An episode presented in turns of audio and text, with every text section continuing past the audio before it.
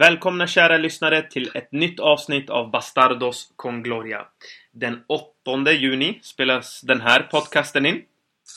En Champions League-final spelades klart. Som bekant spelades finalen mellan Barcelona och Juventus. En av kommentatorerna i den matchen för Viaplay och Viasat Extra var Pavel Asso. Läget med dig Pavel? Bara bra, tack så mycket. Härligt. Och tillbaka då som min högra hand så har jag med mig Drilon Polozzani. Läget med dig Drilon? Det är bekvämt. Bekvämt Att vara va? tillbaka Mm. i sitsen här. Ja. Gick det bra idag då på jobbet? Deltidsjobbet? ja, jag blev akut inkallad. Akut Man är inkallad, tillgänglig. Bra, bra. Men nu är du tillgänglig för mig här då. Ja, jag hoppas det. Härligt, härligt. Beror på vilka frågor du ställer. Ja, idag har jag faktiskt riktigt intressanta frågor måste jag säga. Eh, så vi kör rakt på sak tycker jag. Eh, nu sedan en tid tillbaka har det varit klart att Rafa Benitez tar över Real Madrid. Och eh, min fråga till dig Pavel. Vi börjar med din åsikt här. Vilka problem kan Benitez stöta på? Först och främst så tror jag han kan stöta på problemet i omklädningsrummet. Jag är väldigt osäker på om spelarna har, eh, har han stöd med sig riktigt. Nu i början, om man ser det på förhand av det man läser och hör. Ronaldo var ju tydligt ute innan eh, Ancelottis bortgång att han ville ha Ancelotti. Och nu kommer Benitez in, hur reagerar man på det? Han har ju en tydlig röst i omklädningsrummet, kan man Det är nog alla med på. Så det är nog, jag tror det är hans största, det kommer vara hans största problem. Sen det taktiska, om han får med sig laget så tror jag att det taktiska kommer lägga sig med tiden. För hans taktiska kunskaper, det tvivlar jag inte på. Utan främst nu hur han ska få med sig omklädningsrummet. Det är Absolut. viktigt att få med sig de där storspelarna. Det håller jag med om, absolut. Men eh, du tror alltså han har vad som krävs för att eh, träna Real Madrid då? Både ja och nej. Jag har försökt följa honom ganska rejält under hans tid eh, i Napoli. Mm. För jag tycker han är, han är en intressant person. Jag har inte riktigt fått grepp om hur han är som tränare. Men det jag har förstått är att han roterar väldigt mycket. Vilket vi har begärt som fans att Ancelotti skulle göra tidigt under säsongen. Ja. Samt att han spelar en uppställning som jag tror passar Real Madrid mycket bättre med de spelarna som, de, som vi har idag. Mm. Där tror jag det kan se bra ut. Men annars är jag väldigt osäker och kluven om hur Benitez är som tränare. Intressant. Eh, Drillon, vad, vad har du för åsikter eh, kring Benitez? Många av de punkterna, punkterna som Pavel nämner här håller jag med. Mm. Eh, Att han roterar mycket, det är han är känd för. Han är nästan, folk brukar säga att det är han som införde rotationssystemet i, i alla fall elitfotbollen här. Eh, Benitez kommer vara beroende av framgång, så som alla andra tränare i Real Madrid. Men kanske extra nu med tanke på att Ancelotti var en så pass eh, omtyckt tränare och att eh, det finns många kritiska ögon som tittar här. Och, eh, skulle det gå dåligt eh, inledningsvis så kommer eh, bussvisningarna är står runt hörnet och väntar liksom. Precis. Eh, vi måste ge ju Benitez chansen också att visa upp sig som tränare. Eh, känns, Definitivt. Känns lite på förhand som att man har dömt ut honom men eh, jag skulle inte döma, döma ut honom så fort faktiskt. Nej men alltså, kollar vi på hans eh, CV så de senaste åren har, ju, har han inte, han har inte nått någon särskild framgång med någon av de lagen han har tränat. Förvisso har han tränat Inter och Napoli, eh, två lag som under Benitez tid har inte varit på någon slags topp. Nej. Eh, Inter efter Mourinho-eran bara föll liksom fritt fall. Napoli, ja, kan man säga mycket om. Han eh, borde väl antagligen gjort det bättre med laget där med tanke på konkurrensbilden i ligan där. Eh, Så det var väl underkänt, sessionen i Napoli. Mm, Också med tanke på hur mycket man investerade där. precis. Förutom liksom selbragderna med Liverpool Mm. och Uefa Cup. Eh, Uefa-cupen med Valencia är det, eller hur? Så, Ja. är det inte, så är det inte mycket han kan skryta med egentligen. Nej. Och har haft en del kontroverser eh, genom åren också. Precis. Med, med pressen och supportrar och så vidare. Nu, nu har jag inte helt i huvudet vad han, hur det gick i Chelsea, men uh, han fick ju sparken där också. Så. Mm. Ja, han vann ju Uefa-cupen med även Chelsea. Ja. Men till hans försvar så måste jag ändå säga att i Inter så var det ändå lite så att eh, där var det i princip, ja, du kunde ha gett den posten till vem som helst. Att komma efter det Mourinho gjorde, det är inte alls lätt. Och eh, enligt Benitez så blev han inte lovad de, de spelarna han skulle få. Eh, och i Chelsea så var det lite mer att där var han inte så uppskattad och fick inte... Alltså Abramovic backade lite. Eh, på grund av att eh, ja, han tog bara en Uefa Cup-titel, bara. Eh, och hade en koppling till Liverpool. Och eh, ja, eh, då blev det respass hos Chelsea också. Men vi får se, det ska bli intressant att se hur Rafa tänker och vad han kommer göra i Real Madrid. För visst blev man ändå lite rörd av hans eh, presentation, Pavel?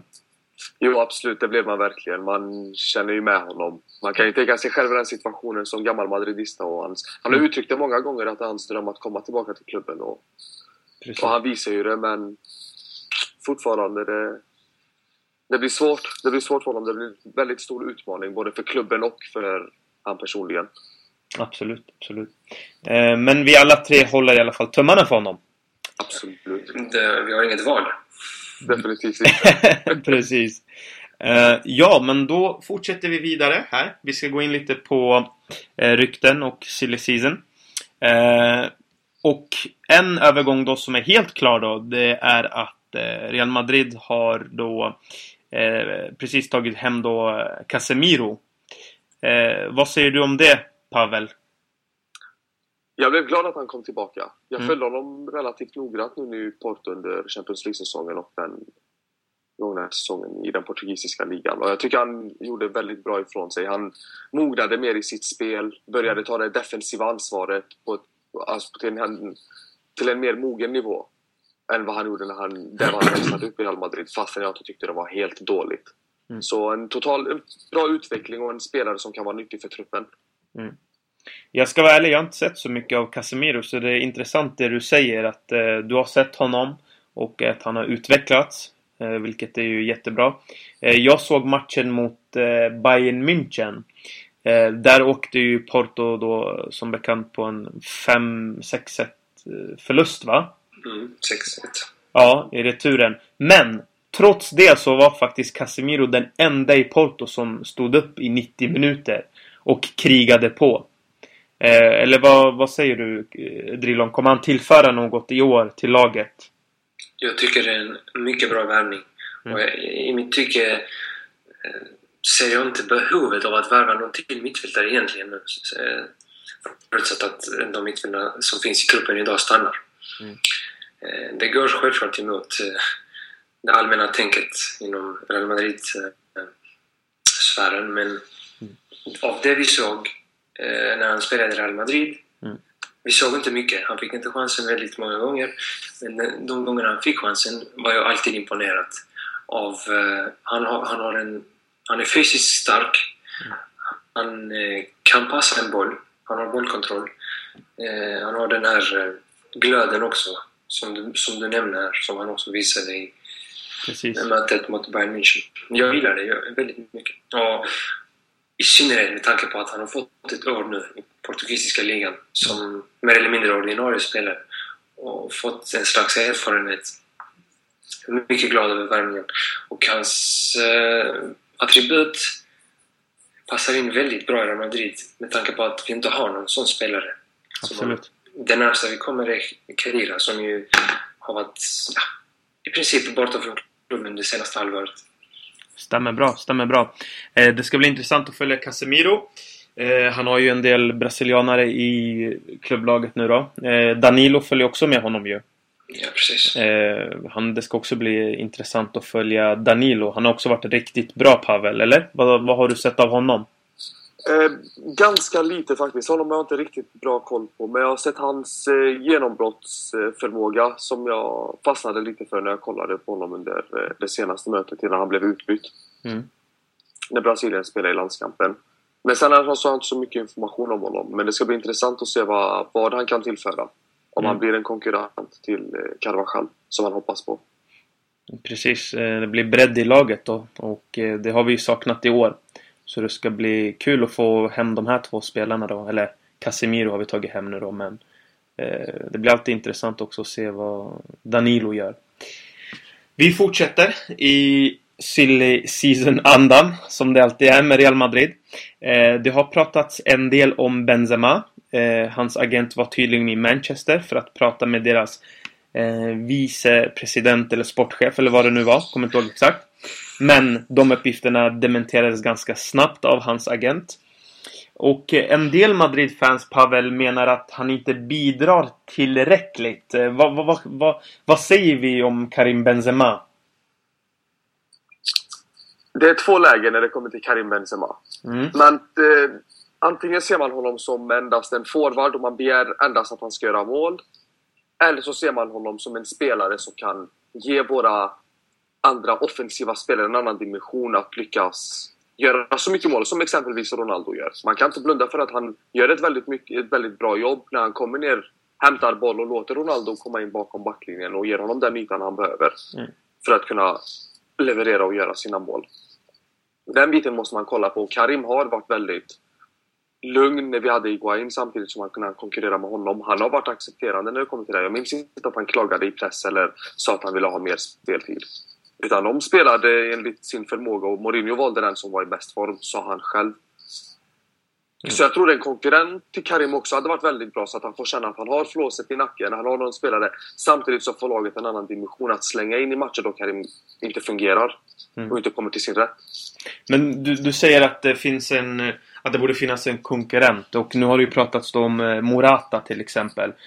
Vem, eller vem ska då Eh, vara konkurrenten till eh, Benzema? För att vi ska också, innan du svarar så måste jag ändå säga att Benzema kommer vara nummer ett. Han är ganska given. Eller? Pavel? Jo, det det, det, kommer han vara. Jag har aldrig tänkt på att Benzema kommer lämna Real Madrid någonsin. Det är, det är den sista spelaren jag ens har i tankarna när silly season kommer och det är Real Madrids vägar. Om jag ska vara helt ärlig. Han känns som en klar favorit hos Perez. Det är mm. han som styr och ställer i klubben. Mm. Mer eller mindre. När det kommer till... Ja, Benzema är hans favorit, har han uttryckt sig om innan. Mm. Så en, konkurrens, en konkurrent till Benzema, det kan vara vilken spelare som helst. Egentligen. Det är allt ifrån Agüero som ryktas till Real Madrid, där om vi tar hem Morata. Det ger ytterligare en dimension till eh, eh vårt offensiv. Det är två olika spelare som är olika, olika Benzema. Morata måltjuv, har vi sett det här året i Juventus, vilket vi behöver i många matcher. Och Agüero är mer en, en TVs-liknande spelare. Jobbar hårt i straffområdet, gillar att komma ner och hjälpa till i mittfältet om man skulle behöva. Och så har vi... Det är tre alternativ. Man väljer att behålla Benzema för det han ger och han är en favorit. Men man, så står det mellan då Agüero eller Morata och det är helt upp till ledningen. Och därför mig spelar det ingen roll. Mm. Absolut. Eh, Drillon, vad säger du om eh, det här ämnet om Karim Benzema och hans, eh, hans konkurrens då, eller konkurrent? Vem ska det bli? Jag sitter här helt tagen av eh, Pavels klassiska kommentatorsröst. ja. Det var länge sedan jag fick prata. eh, Ja, det där, det där Pavel säger om eh, att Benzema känns väldigt given. Det är precis samma känsla jag får faktiskt. Eh, jag ser inte att Benzema lämnar. Och eh, det här med en konkurrent, det har snackats länge. Det har det snackats om hela tiden. Mm. Det har det under sommaren, under åren, under säsongerna. Jag är lite emot att värva in en spelare som Agüero som tar så pass mycket plats. Mm. I så fall är jag mer för en övning av typen Morata, eller så som vi hade nu, Chicharito. Men det verkar som att Chicharito inte kommer få stanna kvar. Eh, jag tycker att för en spelare som Agüero är väldigt lik Benzema i stil. Mm. Absolut. Jag tycker att det är mycket mer givande, en mycket mer givande värvning att ta in en en sån här som kan uh, göra det oväntade, oväntade i straffområdet. Göra de här äckliga Inzaghi-målen. Mm. Uh, det tycker jag verkligen. Mm, precis, det kommer bli intressant att se eh, vad som händer nu då. Om Morata kommer tillbaka för att eh, det är en väldigt eh, bra spelare. Eh, som sagt. Eh, och eh, han är ju från vår ungdomsakademi och det är alltid eh, kul när en från akademin lyckas i laget. Ehm, men eh, ja, ja, jag är lite osäker på vad som, vad, hur man ska resonera kring Karim Benzema. Det är en sån här... Det är ett svårt ämne för att eh, många kallar honom loj, att han inte gör mycket. Men samtidigt måste man också förstå att han bidrar väldigt mycket till spelet. Eh, och det tror jag många missar. Och som du säger Drilon. frågan är hur mycket kommer Agero göra det Benzema inte kan göra? Eh, och, och då pratar man lite mycket också om eh, att Ronaldo tar mycket plats, men... Ja, alltså Agüero har... har jag har inte sett... Jag, jag kollar inte på City så mycket. Mest i CL. Och då har man sett att Agüero har en riktigt grym högsta nivå. Mm. Jag tänker på eh, matcherna mot Bayern där, där han i princip höll kvar City på, helt på egen hand med sitt hattrick. Det var i gruppspelet om jag inte har helt fel. Eller? Ja. Mm, mm. Precis. Exempelvis. Han har en enorm högsta nivå, men som sagt. Jag tycker han är för lik Benzema. Och i så fall krockar de två spelstilarna. Absolut. Pavel, nu ska vi diskutera ett ämne som går in lite i det här med Karim Benzema. Eh, I år så bidrog Ronaldo med 48 mål i ligan. 10 mål i Champions League. Hur kommer det sig att hans kompanjoner inte levererar på samma sätt som Messis kompanjoner levererar? Eh, Messi är ju också ganska många mål. Han har ju var han, han var tre mål bakom Cristiano Ronaldo i ligan och gjorde lika många mål i Champions League. Eh, vad säger du Pavel? Om man kollar på um, de olika um, spelarna och deras mål. Messi hade 58 mål, Neymar 39, Suarez 25. Som gjorde 25 mål trots en väldigt trög start i Barcelona, ska vi komma ihåg. Mm. Och så var han avstängd i fyra månader. Precis. Och sen i Real Madrid har vi Cristiano Ronaldo högst upp på 61 mål, Benzema 22 och mm. Bale 17. Mm. Och då ska vi räkna med att Benzema och Bale har i princip spelat alla matcher de har kunnat. Mm. Och det säger mig då, det felet ligger i våra offensiva, taktiska spel. Mm. Där måste något hända. Det har inte hänt. Ancelottis spel har gjort att spelarna gick ner i tempo på ett sätt som vi inte var vana vid. Mm. Eller hade sett dem göra under eh, förra säsongen när vi vann La Decima. Då var det rörelse konstant på de tre spelarna. De bytte plats med varandra, det var en bra kommunikation. Man kände verkligen det var ett flow på planen. Men idag, under de senaste matcherna den här säsongen, de absolut viktigaste matcherna, mm. så har det inte klickat för någon av spelarna. Ingen mm. kommunikation, inga lösningar. Kollar man tillbaka på finalen så kom Messi centralt, men då hade du Suarez och Neymar som korsade varandra i löpningar. Mm. En backlinje, det, det, är svårt att försvara mot det där. Där tror jag felet ligger. Och därför tror jag inte våra, våra forwards har gjort lika mycket mål som de skulle kunna ha gjort. Absolut. Det håller jag faktiskt med om. Speciellt att Ancelotti har svårt att ge direktiv. Eller han har inte svårt att ge direktiv, men det har inte varit klara direktiv i år. Och eh, det är som du säger, i Barcelona så håller sig Messi på sin högerkant. Suarez är central och Neymar är på sin vanliga vänsterkant som han var i Santos. Och det här gör att alla på sina naturliga positioner, förutom kanske då Messi, men Messi har ju spelat där tidigare och vilken ändå ofta sin centralt.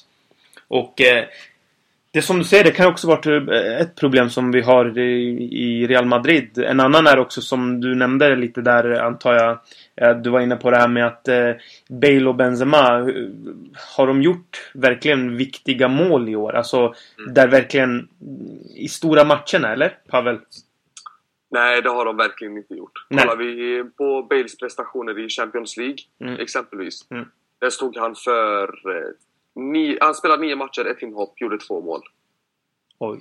Mm. Inte ens jag visste den statistiken faktiskt. Det där, när jag, när jag såg de siffrorna mm. så... Mina ögon blev hur stora som helst. Jag förstod inte ens riktigt hur det är möjligt. Ja, alltså, jag tänkte det när du sa det att det, det, med, det taktiska anfallsspelet, det, också, det rotas också i att de individuella prestationerna i anfallet har varit eh, eh undermåliga.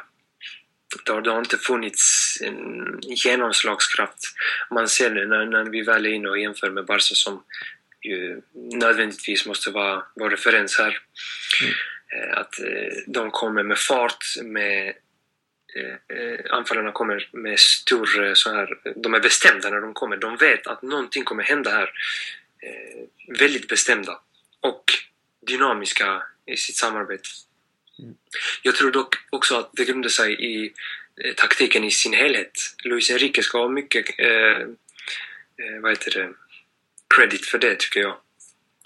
Eh, att han har anpassat Barcelonas spel så att den offensiva trion eh, kan utnyttjas på ett bättre sätt. Eh, I finalen exempelvis. Det var, jag tror aldrig att jag har sett Barcelona spela ett så direkt anfallsspel. Det var liksom, det chockerade antagligen Juventus. Det var så snabba anfall med sån fart. Det var, I andra halvlek var det ju de kontringarna vi såg, det var numerärt överläge för Barca hela tiden nästan. Mm. Och då, och då, då stod det 1-1. Juventus behövde inte ens anfalla egentligen. Om vi talar... Eh. Och så har det sett ut eh, under våren. Barcas anfallsspel har varit en nivå högre än Real Madrids. Och det grundar sig såväl som individuella prestationer som taktiken i sin helhet. Mm. Ja, jag, jag, tänker på det där. Alltså man, som Real Madrid-fan så kliar man sig lite i huvudet. Eh, frustration. För jag tänker på eh, 22 raka, de här 22 raka matcherna 2014 tänker jag på. Alltså den där trion var ju helt fantastisk ändå. Alltså, matchen mot Bayern, mot... Eh, jag kan nämna hur många lag som helst. Nu kommer jag inte på alla. Barcelona men, exempelvis. Ja, men precis. I, I, den matchen. Benzema stod för ett mål. Eh, Bale i, i Copa del Rey-finalen. Eh, och i andra matcher också som han har varit eh, bra i. Eh, vad hände egentligen Pavel? Vad, vad tror du hände där? Vad, vad, var det, vart gick det snett någonstans? Det är så svårt att börja i en ände när det kommer till den frågan. Mm. För jag tror det är så många olika faktorer som spelar en så stor roll. Mm. Man, om man, man måste jämföra med de, med de bästa lagen. Vi är Real Madrid, det går inte att jämföra med något annat lag just nu än Barcelona. Nej. Och då har vi en, en trio liknande Barcelona som jämförs titt som tätt. Vilket är, vilket är väldigt vanligt. Kollar man på hur deras sammanhållning varit mellan spelarna mm. så har inte Bale, Benzema och Ronaldo haft samma... Man har inte känt samma kärlek kring dem som man gjorde under förra säsongen. Förra Precis. säsongen så var det den känslan som man får nu av eh, Neymar, Suarez och, och Messi. Mm. Det hände ju någonting där med dem efter årsskiftet. Mm. Ja. Som tog våra spelare på ett... Ja, jag, jag, vet inte riktigt vad som hände. Jag har svårt att lägga fingret på Jag tror att uh, Gerard Piqué har svaret på den frågan. vad säger ni? Nej, det där är löjligt bara. Alltså jag vet inte om det gör mig verkligen så arg. Jag menar jag tänker, hör inte till fotbollen. Jag menar till och med Raúl i sina... Alltså Raúl som anses vara Fairplayens grundare. Alltså, nu överdrev jag. Men ändå, alltså han är verkligen Fairplay då Raúl. Och till och med han eh, hushade ner Camp Nou. Jag vet inte om det anses vara väldigt Fairplay. Jag menar, det, är väl, det hör till lite tycker jag ändå. Eh, det gjorde mig arg i början att han, att, alltså varför ens nämna Real Madrid? Det, det tänker jag mest på. Eh, ja, det var ju lite onödigt. Alltså, det bara liksom sänker Barcelonas prestation.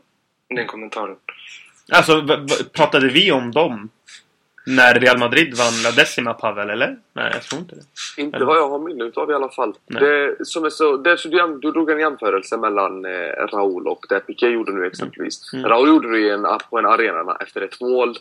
Ja. Och kände där nu Rufino ville tysta Camp Så det är ju skillnad genom att istället under en prisutdelning när du ska hålla ett tacktal Kom igen, när tog Ramos en mick och skrek någonting sånt om Barcelona? Sånt gör man inte. Den respekten måste du behålla mellan klubbarna. Och som Drillon sa, de sänkte sin egna äh, prestation där. Okej då, ni har vänt mig. Jag är arg. Nej. Okej då. Lugn pojke. Eller Nej, jag ska, jag ska vara lugn. Nej, det är som ni säger. Det, det, det kanske var rätt onödigt att göra ett tacktal. Jag menar, i ett tacktal vill du ändå tacka dem som har betytt någonting och du vill låta vettig och att nämna... Vad, vad heter den där colombianska artisten? Kevin Roldan eller vad han heter? Roldan heter han, precis. Mm. Eh, han kom in i, den, i det tacktalet från ingenstans. Nåväl, eh, det var det. Eh, vi fortsätter till nästa eh, ämne. Och eh, den här frågan är väldigt djup och eh, Det är någonting jag funderar på och det är att jag vill fråga dig Pavel, hur länge tror du att den här kulturen och attityden som genomsyrar Real Madrid fortsätter? Och med det menar jag då att till exempel värva dyra spelare varje år, sparka en tränare höger och vänster. Eh, efter en till exempel en misslyckad säsong vill man direkt göra av sig med en tränare. Eh, och även till och med efter en lyckad. Eh, om man bara tagit en titel räcker inte det heller. Eh, vi har sett det här i Real Madrid sedan 50-60-talet men eh, hur länge ska det pågå och är det bra om det pågår? Eller? Man pratar mycket om kontinuitet. Det är ett ämne som det pratas om i alla lag, alla mm. ligor, hela mm. tiden. Mm. Göra någonting och satsa för det för framtiden. Mm. Alla vet om att det är inte någonting som sker i Real Madrid. Och det är man van vid.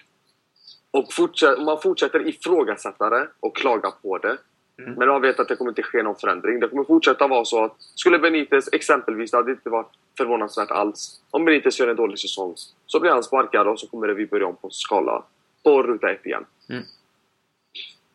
Jag tycker inte det är rätt alls. Vi var inne på det lite Drillon innan när jag och du diskuterat. Man måste, ändra, man måste ändra den traditionen. Fotbollen ser annorlunda ut. Nya spelare, det kommer...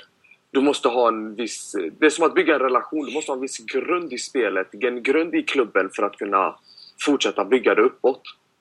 Det går inte att... Det går inte att dra ner en byggnad och sen bygga om på nytt. Det funkar inte på det sättet. Speciellt inte i dagens fotboll. Mm. Och det, är lite, det är jobbigt att fortsätta att, att man tänker runt de här banorna. Att de inte riktigt har förstått det, att det hjälper inte. Men, om jag får börja nu. Eh, min, eh, eh, min övertygelse är att det här är så pass fundamentalt, inte bara i dagens Real Madrid, utan i Real Madrid helt enkelt. Att Real Madrid existerar inte utan denna attityd, utan denna kultur, detta tänk.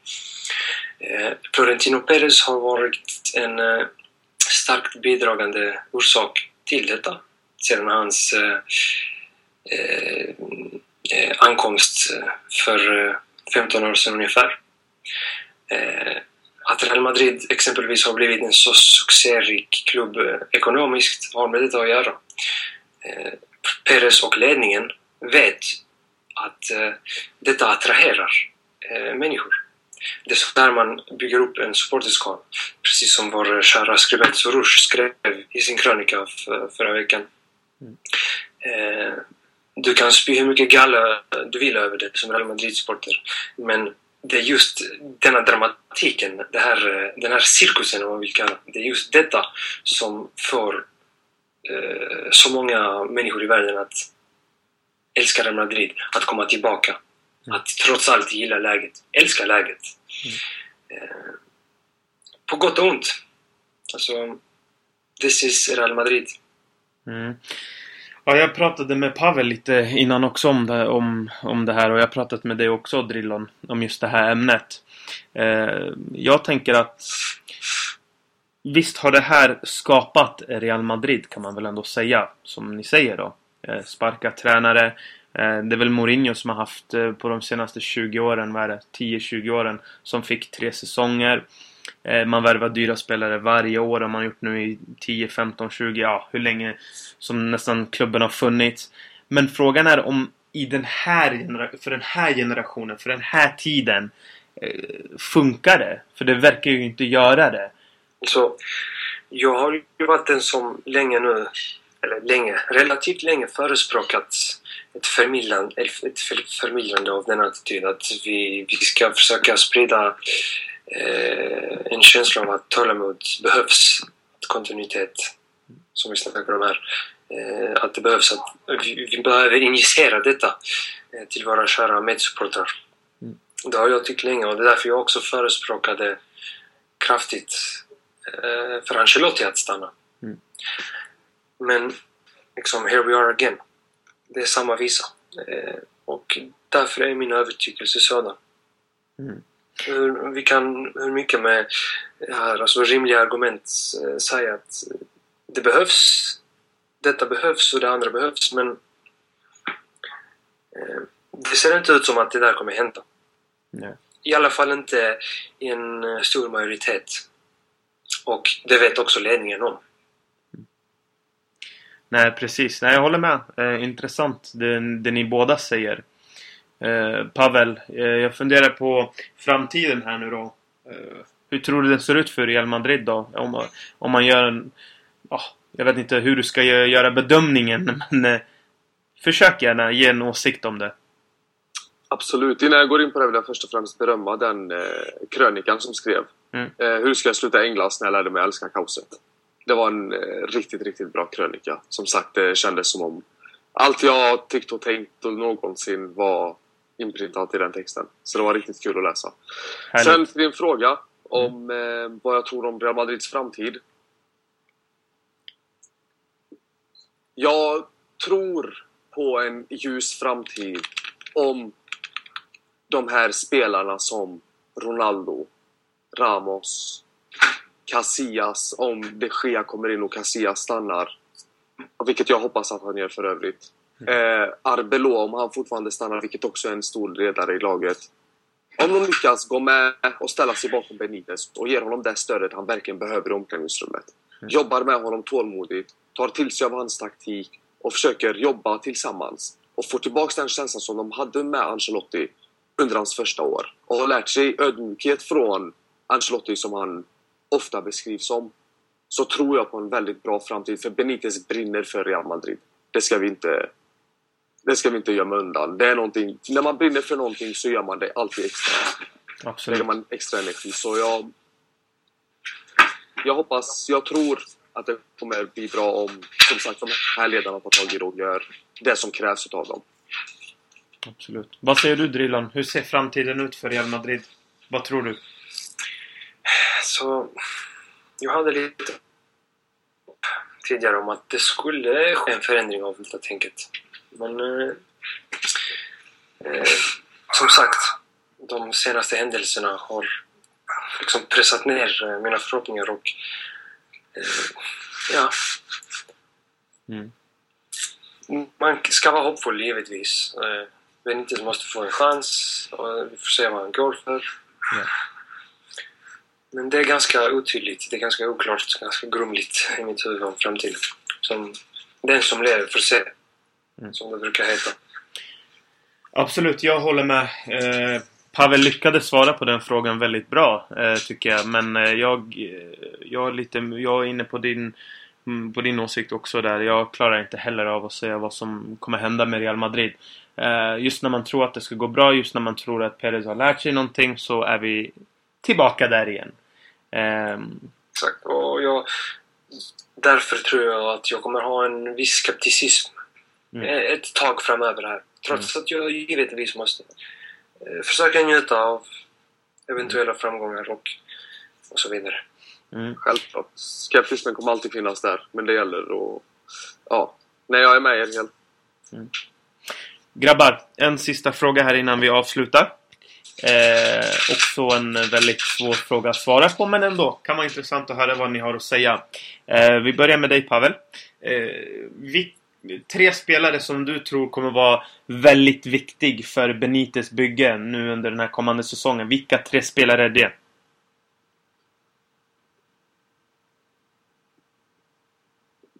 Pavel tänker här nu. Det var en svår fråga va? En extremt svår fråga. Ska vi se här. Ronaldo måste man nu ta med där. Ja. Det är ingen snack om saken. Håller med? Modric Mm. och så tror jag James kommer spela en väldigt stor roll i detta Real Madrid. Som även de spanska tidningarna var inne på tidigare. Håller jag också med om. Bra, bra tre spelare där faktiskt. Modric ska bli intressant att se. För att han var ju ändå stundtals bänkad under Mourinho. Och han sa ju själv att det, eh, det är under Ancelotti som hans spel har utvecklats. Vi får se hur hans... Ja, hur bra det kommer gå för honom under Benitez. Det ska faktiskt bli intressant att följa. Eh, Drillon, samma fråga till dig. Tre spelare som kommer vara viktigt, som kommer vara viktiga för Benites lagbygge. Jag snor uh, Pavels svar rakt av. Och, eh, och jag stannar vid James. Mm. Och det har att göra med att eh, James har nu möjligheten att spela som tia Mm. i Benites lagbygge med tanke på att det är 4-2-3 som brukar gälla. Och där kan James faktiskt ta ett ytterligare steg i sin utveckling och bli en, av, eh, en, alltså, bli en del av den absoluta toppen. Det är min, det är min tro om James. Eh, Modric eh, av uppenbara anledningar och Ronaldo likaså. Det finns många, självklart många fler spelare men om man får välja tre så är det dessa. Så jag håller helt och hållet med. Absolut. Ehm, Då kanske jag också ska hoppa på det tåget och hålla med er båda Eh, om de här tre spelarna som kommer vara väldigt viktiga. Dels för om man hittar en position till Ronaldo. Om Benitez lyckas göra det så kanske de andra- andra två vinner på det. Och då vinner alla tre och då vinner hela laget på det. Och eh, James som du säger har en steg till att ta. Eh, och eh, Modric också såklart en jätteviktig spelare men eh, det ska bli intressant att se hur han klarar sig under Benitez. Det måste jag ändå säga. Eh, under Ancelotti så fick han spela den bästa fotbollen som, som passade honom väldigt bra också, ska vi säga ju. Eh, så det ska bli intressant att följa det här laget. Yes grabbar, då var vi klara för den här gången. Var det något mer ni ville tillägga? Ingenting speciellt härifrån. Ingenting speciellt va? Nej, det var bara en ära att eh, få spela in med en blivande klassiker i kommentatorsvärlden. Definitivt. Det hoppas vi på i alla fall. tack, tack. Jag uppskattar det. Vi får hoppas att du kommenterar när Real Madrid spelar en Champions League-final. Det vore helt magiskt. Tack så jättemycket grabbar för att jag fick vara med. Det har varit riktigt, riktigt roligt att prata med er. Jag hoppas eh, lyssnarna nu har eh, fått ögonen öppna för Pavel Asso. Absolut. Eh, Vi, Bara gå in och lyssna. Vi glömmer inte bort det här datumet dock att han sa det i den här podcasten. Så om han är där då eh, så får han väl nämna oss då. Eller vad säger du Divilon? Han måste. Han måste. Bra. Okej, då får jag tacka er två för medverkandet. Och eh, tack kära lyssnare för, ni, för er som har lyssnat. Och eh, vi hörs här nu under sommaren. På återseende. Ciao!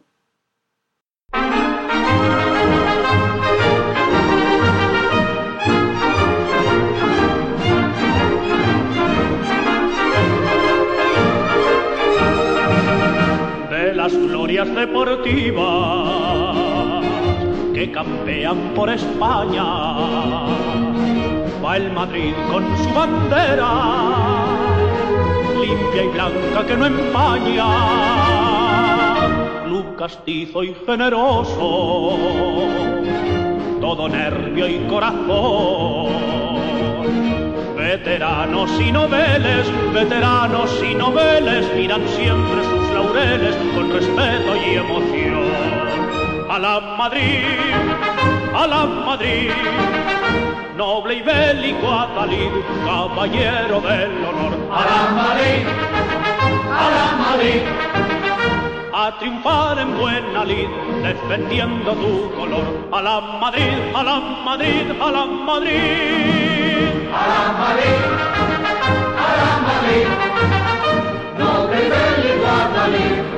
caballero de